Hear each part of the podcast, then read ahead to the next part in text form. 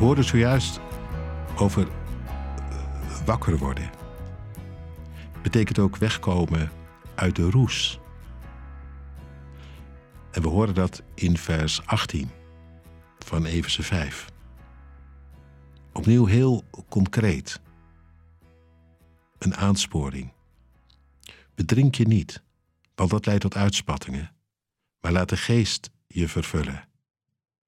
En zing met elkaar psalmen, hymnen en liederen, die de geest je ingeeft. Zing en jubel met heel je hart voor de Heer. En dank God, die je Vader is, altijd voor alles, in de naam van onze Heer Jezus Christus. Drank. We weten allemaal dat dat meer kapot maakt dan je lief is. Wat wij daar vandaag van weten, wist Paulus nog niet, maar hij zag natuurlijk wel de gevolgen. Bedrink je niet, schrijft hij, want dat leidt tot uitspattingen. Het levert niks op. Het maakt een hoop stuk. Dat hoor ik erin. En dat weten wij intussen beter dan hij. Onderzoek heeft aangetoond dat drank hersencellen kapot maakt, zeker als je jong bent. Dat is toch gewoon ronduit zonde? Dat je zo je eigen leven verziekt? Je capaciteit eraan gaat? Nou ja, en daarbij, drank doet ook iets met je emoties. Als je te veel drinkt, structureel, dan raak je een stuk gevoeligheid kwijt.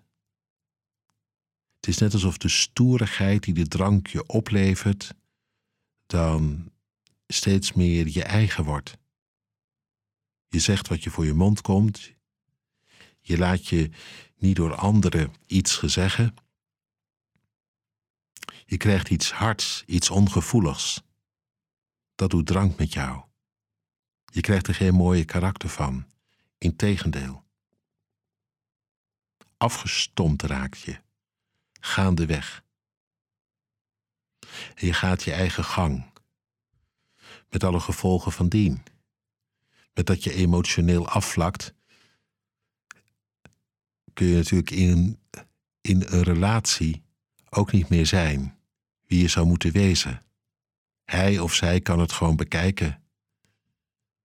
Jij doet wat jij wilt. Je ziet het gebeuren. Je voelt het aan bij mensen die te veel drinken, wat dat tot gevolg heeft. Naar de mensen om hen heen. En denk eens in, elke avond, net een borrel te veel, of misschien wel meer dan één. Nou ja, dan ga je uiteindelijk naar bed in een roes, avond aan avond. Wat denk je? Kan de geest de toon dan nog aangeven in je leven? Ik denk dat het ingewikkeld wordt om nog even stil te worden tot God, eerlijk te komen voor zijn aangezicht. Genade te vinden in zijn ogen voor het tekort, te bidden om de doorwerking van zijn geest. Je voelt het zelf ook wel aan, denk ik, of niet? Dat uiteindelijk de doorwerking van Gods geest eronder lijden gaat. Onder te veel drank. Het kan gewoonweg niet samengaan. Paulus is er heel duidelijk over. Wordt niet dronken van wijn, staat er in een andere vertaling, maar wordt vervuld met de geest. En het kan niet allebei. Ik wilde niet over moraliseren, want je hebt dat misschien al vaak genoeg gehoord. Ik zou je zo graag te denken willen geven, als het je aangaat. En samen met Paulus zou ik je zo ontzettend graag op dat andere spoor willen hebben. Niet het gelal